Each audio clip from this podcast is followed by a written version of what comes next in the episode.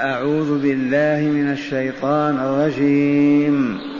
إن الله لا يظلم مثقال ذرة وإن تك حسنة يضاعفها ويؤت من لدنه أجرا عظيما. فكيف إذا جئنا من كل أمة بشهيد؟ وجئنا بك على هؤلاء شهيدا. يومئذ يود الذين كفروا وعصوا الرسول لو تسوى بهم الأرض ولا يكتمون الله حديثا إن الله لا يظلم مثقال ذرة. وإن تك حسنة يضاعفها ويؤت من لدنه أجرا عظيما. فكيف إذا جئنا من كل أمة بشهيد وجئنا بك على هؤلاء شهيدا؟ يومئذ يود الذين كفروا وعصوا الرسول لو تسوى بهم الأرض ولا يكتمون الله حديثا لو تسوى لو تسوى بهم الأرض ولا يكتمون الله حديثا. إن الله لا يظلم مثقال ذرة. وإن تك حسنة يضاعفها ويؤت من لدنه أجرا عظيما. فكيف إذا جئنا من كل أمة بشهيد وجئنا بك على هؤلاء شهيدا؟ يومئذ يود الذين كفروا وعصوا الرسول لو تسوى بهم الأرض ولا يكتمون الله حديثا. معاشر المستمعين والمستمعات من المؤمنين والمؤمنات اسمعوا هذا الخبر من أخبار الله تعالى. العليم الحكيم. يقول إن الله لا يظلم مثقال ذرة. فأحبوه اطلبوا حبه. هذا العظيم الجليل الذي نشر العدل وأقامه وأمر به ورفع أهله وأجلسهم على منابر من نور يوم القيامة. الله هو موجده. لا يظلم أحدا من الإنس ولا من الجن ولا من الملائكة مثقال ذرة. كيف لا تحبونه؟ كيف لا تعرفونه؟ كيف لا توادون من أجله؟ هذا هو الله يخبر عن نفسه. إن الله جل جلاله وعظم سلطانه رب السماوات والأرض وما بينهما رب العالمين. الله ذو الجلال والإكرام لا يظلم مثقال ذرة. واختلفوا في مثقال الذرة. وزن ذرة ما الذرة؟ أصغر ما يمكن أن تتصور. قل عين الإبرة قل عين النملة قل نملة قل هباء في قوة البيت وتشاهده كناية عن أصغر شيء. إن الله لا يظلم مثقال ذرة. لا يظلم إنسيا ولا جنيا ولا غيرهما من المخلوقات. إذا هذا يجب أن نؤمن به ولا لا؟ ونتزلف ونتملق له ولا لا كيف إذا نكفره ونجاحد فيه ولا نذكره وننساه وندعو الناس إلى الكفر به؟ أي ضلال أعظم من هذا الضلال؟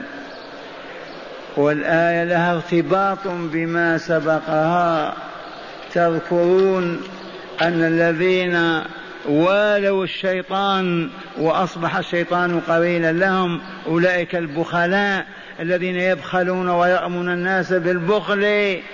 أولئك يقول تعالى وماذا عليهم لو آمنوا بالله واليوم الآخر وأنفقوا مما رزقهم الله هل كان يصيبهم أذى؟ بلى شر لما وزاد أيضا يرغبهم ويدعوهم بدعوى عجب إلى أن يتراجعوا عن باطلهم وضلالهم وفسادهم ويعود إلى الحق ويسلك سبيل الرشد مع المؤمنين فيقول لهم إن الله لا يظلم مثقال ذرة. فكيف لا تؤمنون به؟ كيف لا تعبدونه؟ كيف لا تطيعونه؟ بل كيف لا تحبونه؟ وإن تك حسنة يضاعفها وإن توجد حسنة لك يا عبد الله يضاعفها إلى ألف ألف إلى ألفين ألف. وهذا بناء على أنه غني عما سواه. فما هو أبدا في حاجة إلى أن يظلم أو ينقص أبدا لغناه المطلق إذ كل شيء له وبيده فلا تتصور ظلمه أبدا. ثم لفضله وإنعامه وإحسانه وكرمه الحسن يضاعف إلى أضعاف أضعاف أضعاف. أخبر الرسول إلى ألفي ألف مليونين. وهذه الآية الكريمة إحدى آيات ثمان في هذه السورة. تقدم أن بيناها وهي من ماذا نقول؟ هذه الآيات تزين الدنيا وما فيها. هذه الآية يقول أحد الأصحاب رضوان الله عليهم لو كانت لي سيئات مهما كانت وكثرت وعندي حسنة فقط والله لخير لي من الدنيا وما فيها. سيئات كثيرة لا تعد. يا ليت لي حسنة فقط فإن هذه الحسنة مع تلك السيئات التي لا تحصى خير لي من الدنيا وما فيها. لأنه ثبت أن أهل الجنة لما يدخلون يسألون عن إخوانهم الذين كانوا يصلون معهم وكانوا يصومون ويجاهدون فيعلمون أنهم في النار فيسألون ربهم. فيقول لهم من تريدون فلان؟ اطلبوه. علامة إيمانه صفاء وجهه. هل له حسنة؟ نعم تقول الملائكة له حسنة. إذا يضاعفها له ويخرجه من النار ويدخله الجنة. ما هو واحد ولا ألف ولا مليون. لأن الله أخبر أنه لا يظلم مثقال ذرة. وهذا عنده حسنة كاملة. وهي توحيده لله رب العالمين. وإن زنى وإن سرق. إذا فلا يخلد في النار. هذه الحسنة لن تضيع أبدا. فيخرجه من النار بها. وهنا هذا الموقف. الأم تظلم ولدها أو تظلم زوجها وتحتاج إلى حسنة. فتطالب مولاها أن يعطي حقها من هذا الرجل أو من هذا الولد. فتعطى حسنة الظلم التي ظلمت فتدخل بها الجنة. والأم كالأب والقريب كالبعيد الكل نفسي نفسي. إذا هذه الحسنة إذا بقيت وتوفرت بها يدخل الله عبده الجنة ويؤتي من لدنه أجرا عظيما. وإن توجد حسنة يضاعف ويؤتي من لدنه من فضله وإحسانه أجرا عظيما. مثال ذلك. أن تقف مع خصومك فيسلبونك حسناتك لأنك سببت وشتمت آذيت وآلمت أخذت مالهم اعتديت عليهم فيأخذون من حسناتك. حتى لم يبق لك إلا حسنة واحدة. فيدخلك الله تعالى بها الجنة. يأخذ حسناتك يعطيها لمن ظلمتهم. فإذا لم يبق للعبد حسنة طرح في النار. يؤخذ من حسناته لمن ظلمهم واعتدى عليهم. فإذا بقيت له حسنة ضاعفها الله تعالى له أضعافا كثيرة وأدخله الجنة. فإن لم يبق له حسنة وما زال مطالبا توضع سيئات المظلومين على سيئاته ثم يهلك في جهنم. إن الله لا يظلم مثقال ذرة. وزن. من الثقل من الوزن. وإن تك حسنة قراءة سبعية.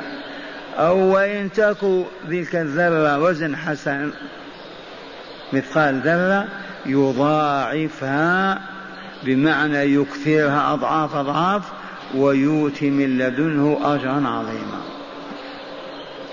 فبشرى لأهل الإيمان بشرى لأهل الإسلام والإحسان. إذا كانت قلوبهم خالية لا يوجد بها إلا الله. وهذا هو التوحيد هو معنى لا إله إلا الله. فإن قارف أحدهم ذنوبا وإن تكاثرت وعظمت فإن مآله إلى الجنة دار السلام.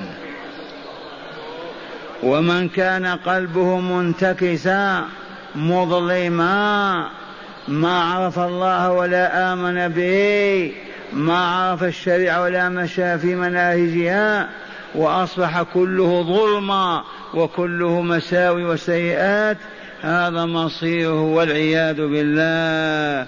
الخسران المبين. قل إن الخاسرين الذين خسروا أنفسهم وأهليهم يوم القيامة. ألا ذلك هو الخسران المبين. ومرة ثانية بشروا أهل لا إله إلا الله. من هم أهلها؟ الذين لا يرفعون أصواتهم داعين سائلين إلا لله. الذين لا يرغبون ولا يطمعون ولا يرجون إلا الله. الذين حياتهم موقوفة على الله. هؤلاء المؤمنون الموحدون إذا زلت أقدامهم ووقعوا في كبائر الذنوب والآثام ولم يتوبوا منها عاجلهم الموت فتابوا فهؤلاء مآلهم الحقيقي. دار السلام. وإن يعذبوا ويمتحشوا في النار فإن مصيرهم إلى دار السلام. وهذه الآية التي تزن الدنيا وما فيها. إن الله لا يظلم مثقال ذرة.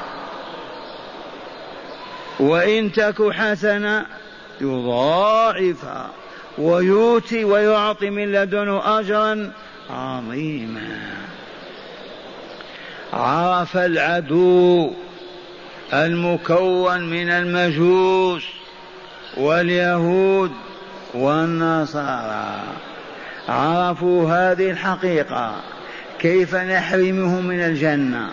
كيف نقودهم إلى مصيرنا لنحترق معهم. لما يظفرون بالفوز لما ينجون من العذاب.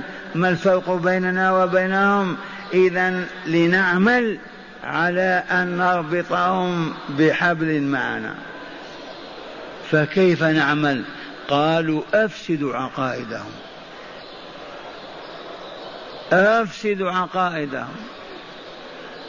حتى أصبح الرجل يسوق السيارة. إذا هي مالت عن الطريق وانحرفت يا رسول الله ولا يقول يا الله. الرجل ذو اللحية والعمامة بيده المسبح المسبحة. لا إله إلا الله لا إله إلا الله لا إله إلا الله. لما ينعس وتسقط المسبحة يا سيدي عبد القادر. هذا من أهل لا إله إلا الله. جهلوهم من أجل أن يهلكوهم ويرضوهم لا عذر بالجهل. كيف نقبل ما يصبونه علينا من الفتن والضلال المبين؟ القرآن نور. آمنوا بالله ورسوله والنور الذي أنزلنا. ما النور الذي أنزل الله؟ القرآن. لا تتردد. والقرآن والنور يهدي وإلا يضل. إذا أخذت المصباح في الظلام وتمشي وهو أمامك يهديك ولا يضلك. يهديك وإذا أطفأته أين تمشي؟ وإذا تركته وراك ومشيت في الظلام أمامك تهتدي. القرآن نور. ولا هداية والله إلا عليه وبه. هيا نقرأ لنهتدي. لا نقرأ على الموتى. مات السيد الفلاني. نعم. مات. كم؟ في بعض البلاد فيه نقابة بالتليفون. ألا ألا توفي لنا السيد الفلاني. نريد عددا من طلبة القرآن ليقرأوا عليه. يقول من فئة مئة ليرة وإلا خمسين. إذا كان الميت غنيا ثريا من مئة ليرة أو مئة ريال وإذا كان من المتوسطين خمسين. فهمتم؟ هذا القرآن لما هجروا أصبحوا يقرؤون على الموتى ما الفائدة منه؟ ما دمنا ما نهتدي به ماذا نصنع؟ نقرأ على الموت حتى ندخلهم الجنة به. يضعون الميت بين يديهم ويقرؤون بعضهم يضحك وبعضهم يبكي وبعد يأخذون الفلوس ويخرجون. هذا القرآن. تهت بكم وإن شئتم حلفت لكم.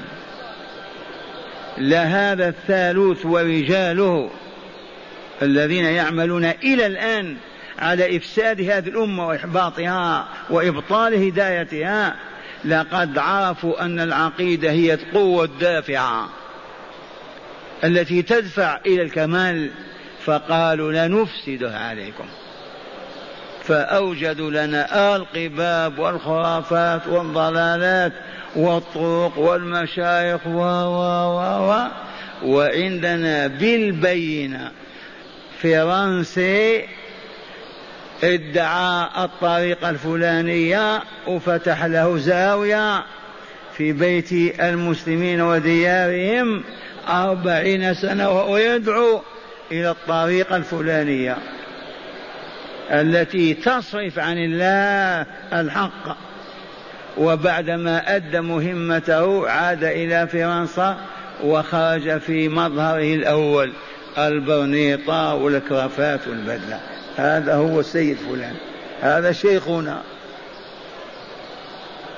فأعظم الطرق أنشأها هؤلاء ونفخوا الروح فيها وانتشرت بين المسلمين من أندونيسيا إلى موريتانيا من أجل ماذا؟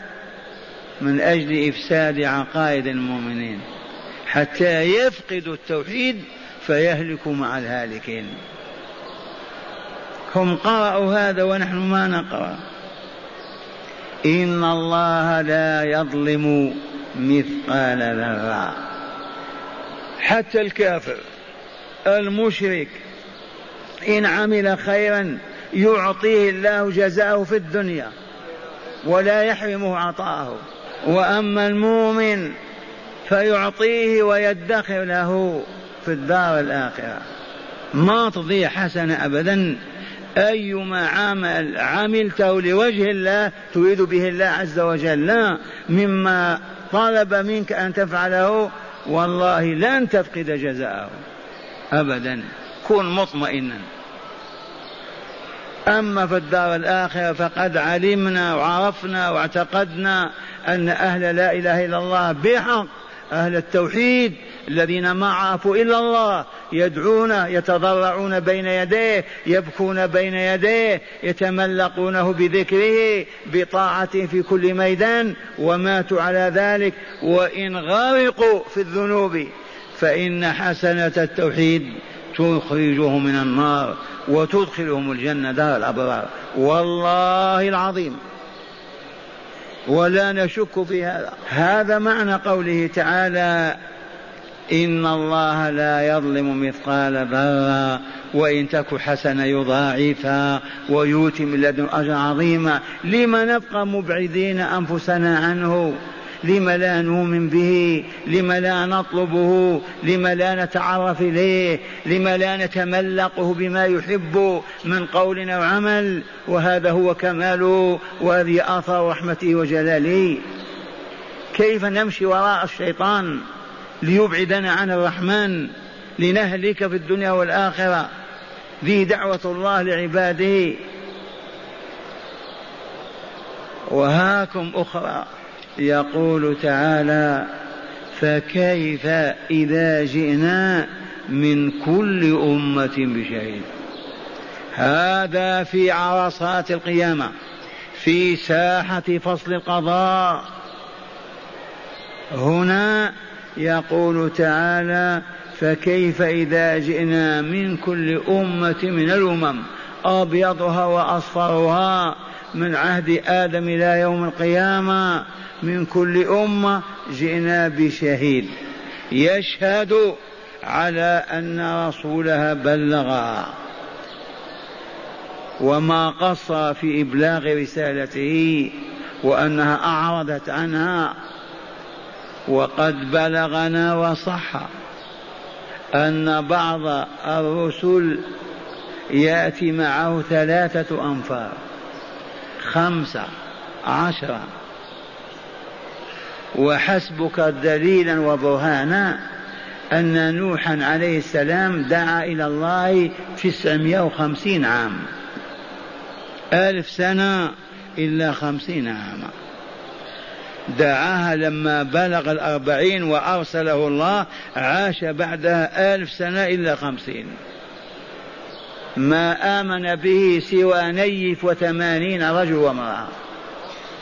على قدر السفينة التي حملتهم سفينة من خشب ما هي من سفن اليوم.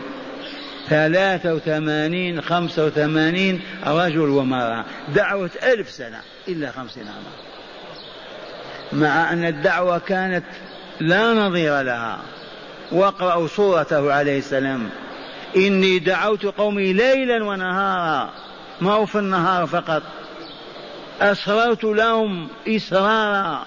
جاهرتهم جهارا. ويسخرون منه ويستهزئون. لما كان يصنع الفلك قالوا يا نوح تأتي بالبحر هنا وإلا هي تنقلها إلى البحر؟ يضحكون السفينة المهم ثم يقول الله عز وجل لذلك الرسول من يشهد لك أنك بلغت رسالتنا؟ فيقول يشهد لي محمد وأمته. هذه الأمة الخاتمة التي لا تعدلها أمة قط. اذا فيستشهد الله الرسول والمؤمنين فيشهدون. كيف نشهد نحن؟ أعلمتنا يا ربنا في كتابك المنزل علينا بأن نوحا بلغ رسالة الله وأن هودا كذا وأن لوطا كذا. ولطيفة أخرى في العدد. تعرفون عن لوط عليه السلام؟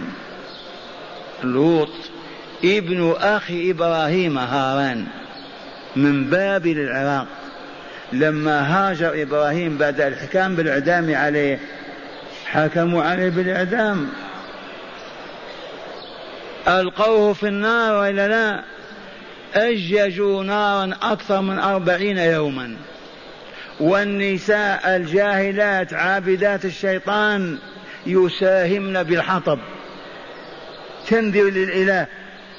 ثبات هذه الحزمة حطب ليحترق إبراهيم الذي يحارب إلهنا.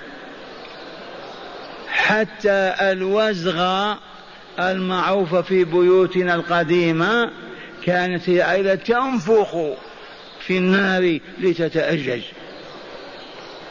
تعرفون الوزغ اقتلوها. كانت أمنا عائشة رضي الله عنها تضع جريدة من النخل في حجرتها. كلما رأتها قتلتها. لأن الرسول علمها ذلك صلى الله عليه وسلم. فلما خرج مهاجرا خرجت معه زوجته سارة. كذا وابن أخيه لوط. فقط. أمة إبراهيم ما آمن إلا هؤلاء. لكن لما انتقل إلى ديار الشام آمن به ملايين يبقى لوط عليه السلام في مدنه سدوم وعمورة البحر الميت الآن. ما آمن به سوى ابنتيه. فقط ابنتاه وهو. والقوم كلهم ضربهم الله تلك الضربة النهائية. فجعلنا عاليها سافلها وأمطرنا عليهم حجارة من سجيل. ما آمن مع لوط إلا ابنتاه. نعطيكم فرية يهودية. كيف يقولون؟ يقولون لوط جامع ابنتيه وأنجب منهما حتى يبيحوا لأنفسهم جماع بناتهم. لا تعجب في من هبطوا كهبوطنا هذا. فكيف إذا جئنا من كل أمة بشهيد وجئنا بك على هؤلاء من هم؟ نحن. هذه الأمة عربها وعجمها مؤمنوها وكافروها. ذي هي أمة محمد صلى الله عليه وسلم. أو فيه من يشاركه؟ جاء بعده نبي.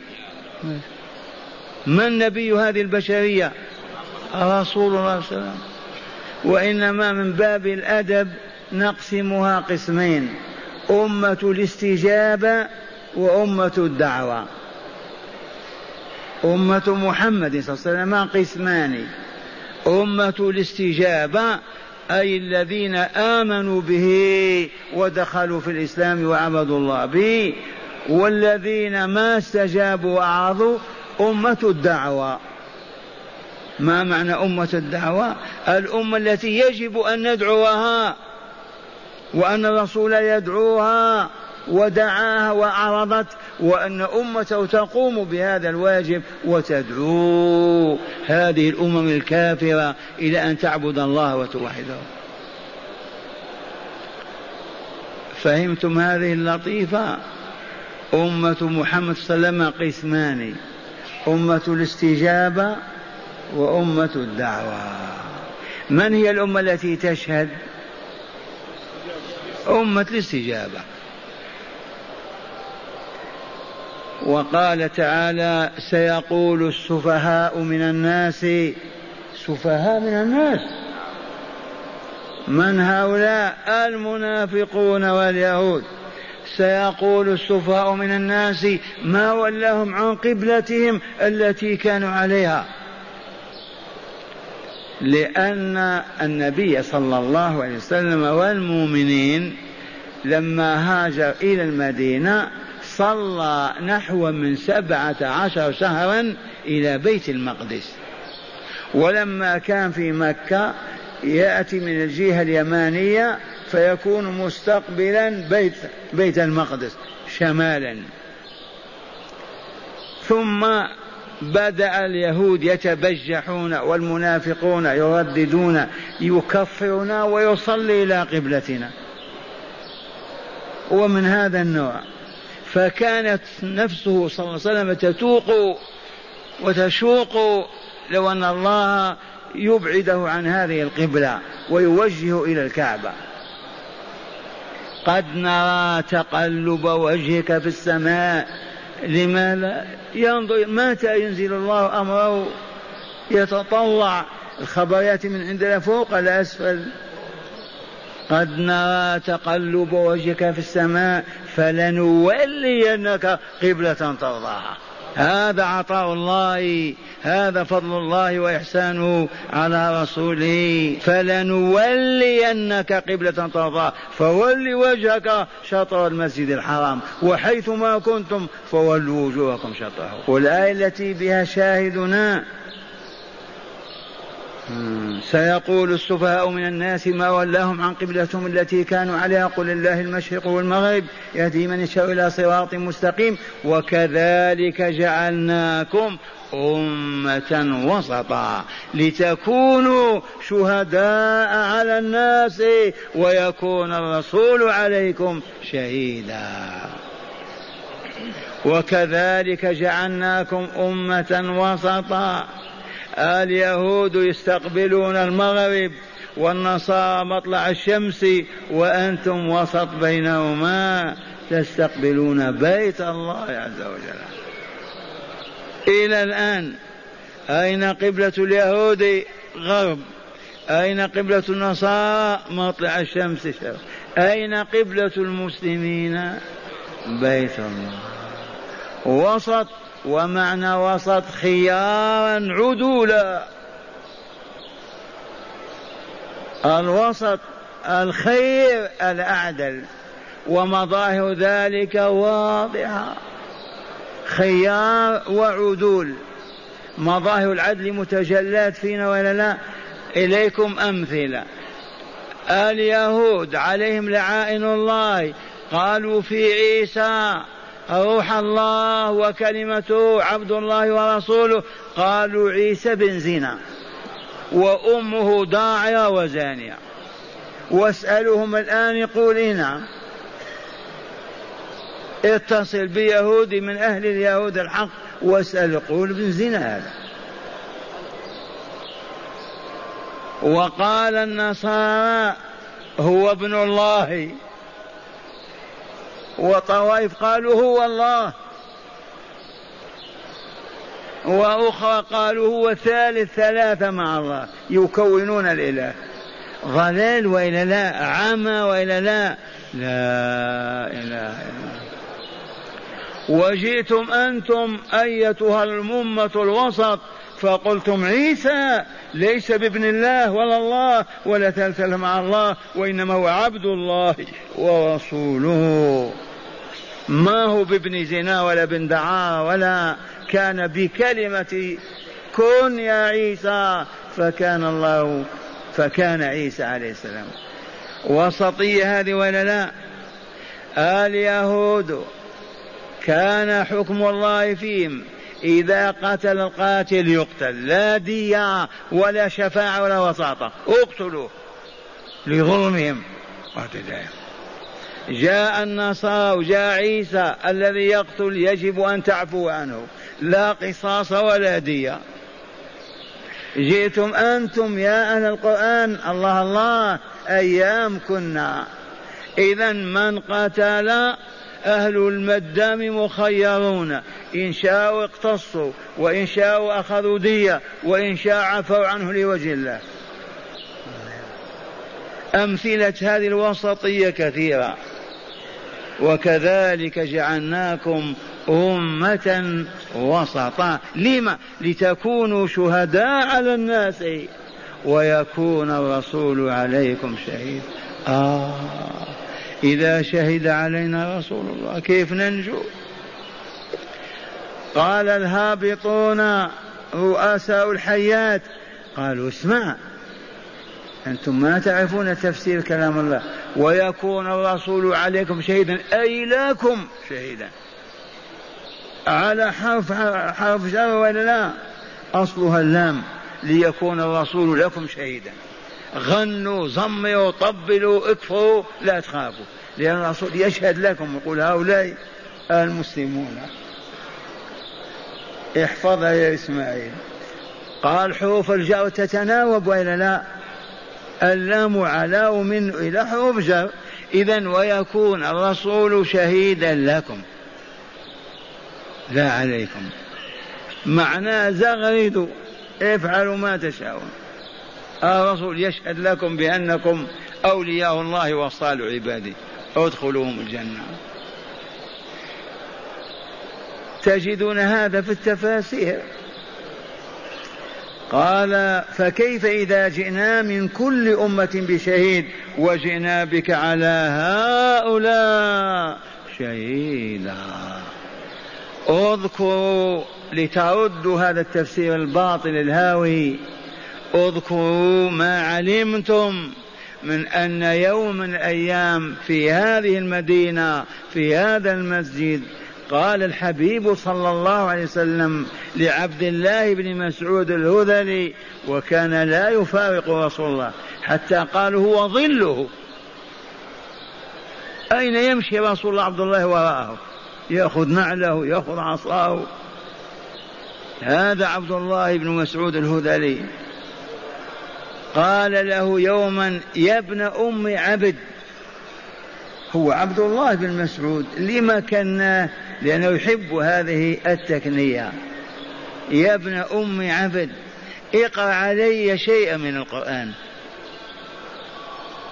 الرسول يقول لهذا التلميذ الملازم يا ابن أم عبد اقرأ علي شيء من القرآن. قال أعليك أنزل وعليك أقرأ. متعجبا عبد الله. أقرأ عليك وعليك أنزل. قال إني أحب أن أسمعه من غيري. إني أحب أن أسمعه من غيري. فهمتم هذه؟ ائتسوا برسولكم. صلى الله عليه وسلم واطلبوا من يقرأ لكم لا عليكم بعد الموت لتسمعوا كلام الله. وقد قلت لكم وكررت القول وإني لآثم وأستغفر الله عز وجل. ما عرفنا من يقول لأخيه وهو تحت ظل الشجرة أو الجدار أو على كرسي العمل أي فلان أسمعني شيئا من القرآن. ما عثرنا على واحد هذا في الملة في الأمة. إلا ما كان من عبد الرحمن. عبد الرحمن هذا تلقى التوحيد الحق من خريج المسجد النبوي من الطيب العقبي أيام العثمانيين. ذاك الذي أسس جريدة القبلة ثم حولها إلى جريدة أم القرى وما زالت أم القرى الله إلى الآن. واستخلفوا الطيب الساسي. هذا الشيخ جاء الله به إلى الديار الجزائرية فأنارها بالتوحيد.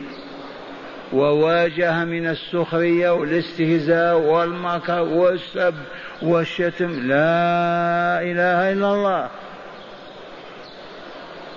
والشاهد عندنا فتلامذته من هم عندهم محاضرة في اليوم في الأسبوع فقط في نادي الترقي فتخرج عليه رجال منهم الآن بينكم. لا يعرفون إلا الله. لا عبد القادر ولا بدوي ولا سيدي مبروك. فعبد الرحمن هذا وكنت طفلا صغيرا يأتي من العاصمة إلى الصحراء ونحن صحراويون. صحرانا كالقصيم. نخيل وغنم. يأتي في العطلة وأنا أحفظ القرآن في العاشره من عمري. يجلس. ويضع راسه. يقول لي اسمعني. أبو بكر شيء من القرآن. وهو والله ما يعرف الالف من الباء. لا يقرا ولا يكتب والله يتربع راسه ويقول اقرأ علي. هذا الوحيد الذي رأيناه. عرفتم هذه ولا لا؟ هذا رسول الله صلى الله عليه وسلم عليه أنزل ويقول يا ابن أم عبد اقرأ علي شيء من القرآن. فيعجب عبد الله ويقول عليك أنزل وعليك أقرأ. يقول نعم أحب أن أسمعه من غيري. آه بيوتنا في المدينة في القرون الذهبية يقولون كنت إذا مررت بأزقتها في الليل تسمع دويا كدوي النحل في القرآن. النساء والرجال يقرؤون طول الليل. ولما هبطنا والحمد لله انتصرنا في هذا العهد الأخير كنت كلما مررت ببيوتنا قبل هذه الكهرباء والتلفاز لا تسمع إلا الأغاني إلى عنان السماء. ما استطعنا ننام في الليل في السطوح. بائع الفول هذا الفوسفوس في يده إذاعة تغني في الشوارع. الدكاكين المقاهي السيارات النقل الحمال كذا كله أغاني. لا إله إلا الله. وشاء الله أن تنسخ هذه. تبهتم؟ الآن تمر بك مئة سيارة تسمع واحدة تغني. ممكن. الآن تمر في الأزقة ما تسمع أغاني في البيوت. لكن الشيطان عدونا لما انتصرنا عليه في هذه الدعوة ماذا يصنع؟ جاءنا بالفيديو والتلفاز. والدش والصحن الهوائي وها نحن نقاوم وسيأتي يوم ما يبقى تلفاز في بيت. إن شاء الله. قاومنا الدخان السجاير كيف قاوم والله يا أبنائي إن الدكاكين لا يستوردون حلويات للأطفال في شكل سيجارة. رأسها أحمر كسيجارة أمريكية. ويأخذ الطفل ويخرج يلعب من المدرسة. يعودون على التدخين. وقامت هذه الدعوة وانتصرت بإذن الله.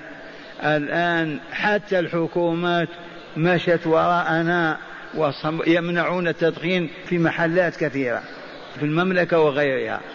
انتبهتم؟ ممنوع التدخين في الطائرة. إذا وسيأتي إن شاء الله انتصار. ما نسمع في بيوتنا إلى القرآن. أما نسمع عاهرة تغني في بيت الإيمان والإسلام. كيف يتبجح وينطق ويتمثل؟ كيف يصح هذا؟ إذا أحب أن أسمعه من غيري. قال فقرأت عليه. بسم الله الرحمن الرحيم. يا أيها الناس اتقوا ربكم الذي خلقكم من نفس واحدة إلى أن انتهيت وهي قرابة كم آية؟ أربعين آية.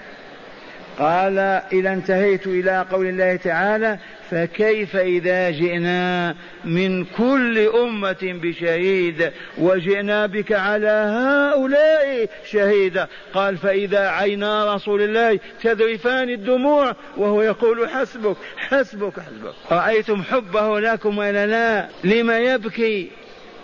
لأنه يشهد علينا. كيف ننجو إذا شهد علينا؟ وهل يشهد بباطل؟ هل يزور؟ يقول في الفاسق بار وصالح في المشرك موحد ومؤمن. والله ما كان. وهو بين يدي الله. بكى. فكيف إذا جئنا من كل أمة بشهيد وجئنا بك على هؤلاء شهيدا؟ انزع كلمة لك بدل عليك. هذه ضلالة من ضلالات القوم. يومئذ إذا أردت أن تعرف لما يبكي الرسول يومئذ يود الذين كفروا وعصوا الرسول. يود يحب بكل قلوبهم وأرواحهم. الذين كفروا جحدوا غطوا. جحدوا ماذا؟ شريعة الله قوانينه. رسله كتبه. أما الإيمان بالله فالمشركون واليهود يؤمنون بالله. ما كفروا. وعصوا من؟ الرسول. ال هنا للتفخيم والتعظيم ال هنا للعهد. الرسول محمد صلى الله عليه وسلم. ما عيسى ولا موسى. وعصوا الرسول. لو تسوى لو تسوى أصلها تتسوى بهم الأرض كيف يغوصون بها. يودون أن تخسف بهم الأرض. انتبهتم؟ لا سيما عندما يسألهم الله فينكرون والله ما كنا بمشركين. يقول تعالى لأفواههم انتهي واسكتي. انطقي أيتها الجوارح. فتأخذ العين تشهد الأذن تشهد.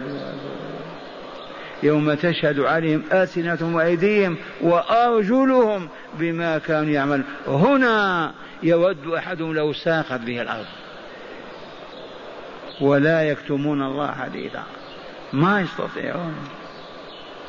وهذا كقوله تعالى من آخر سورة النبأ ويقول الكافر يا ليتني كنت ترابا.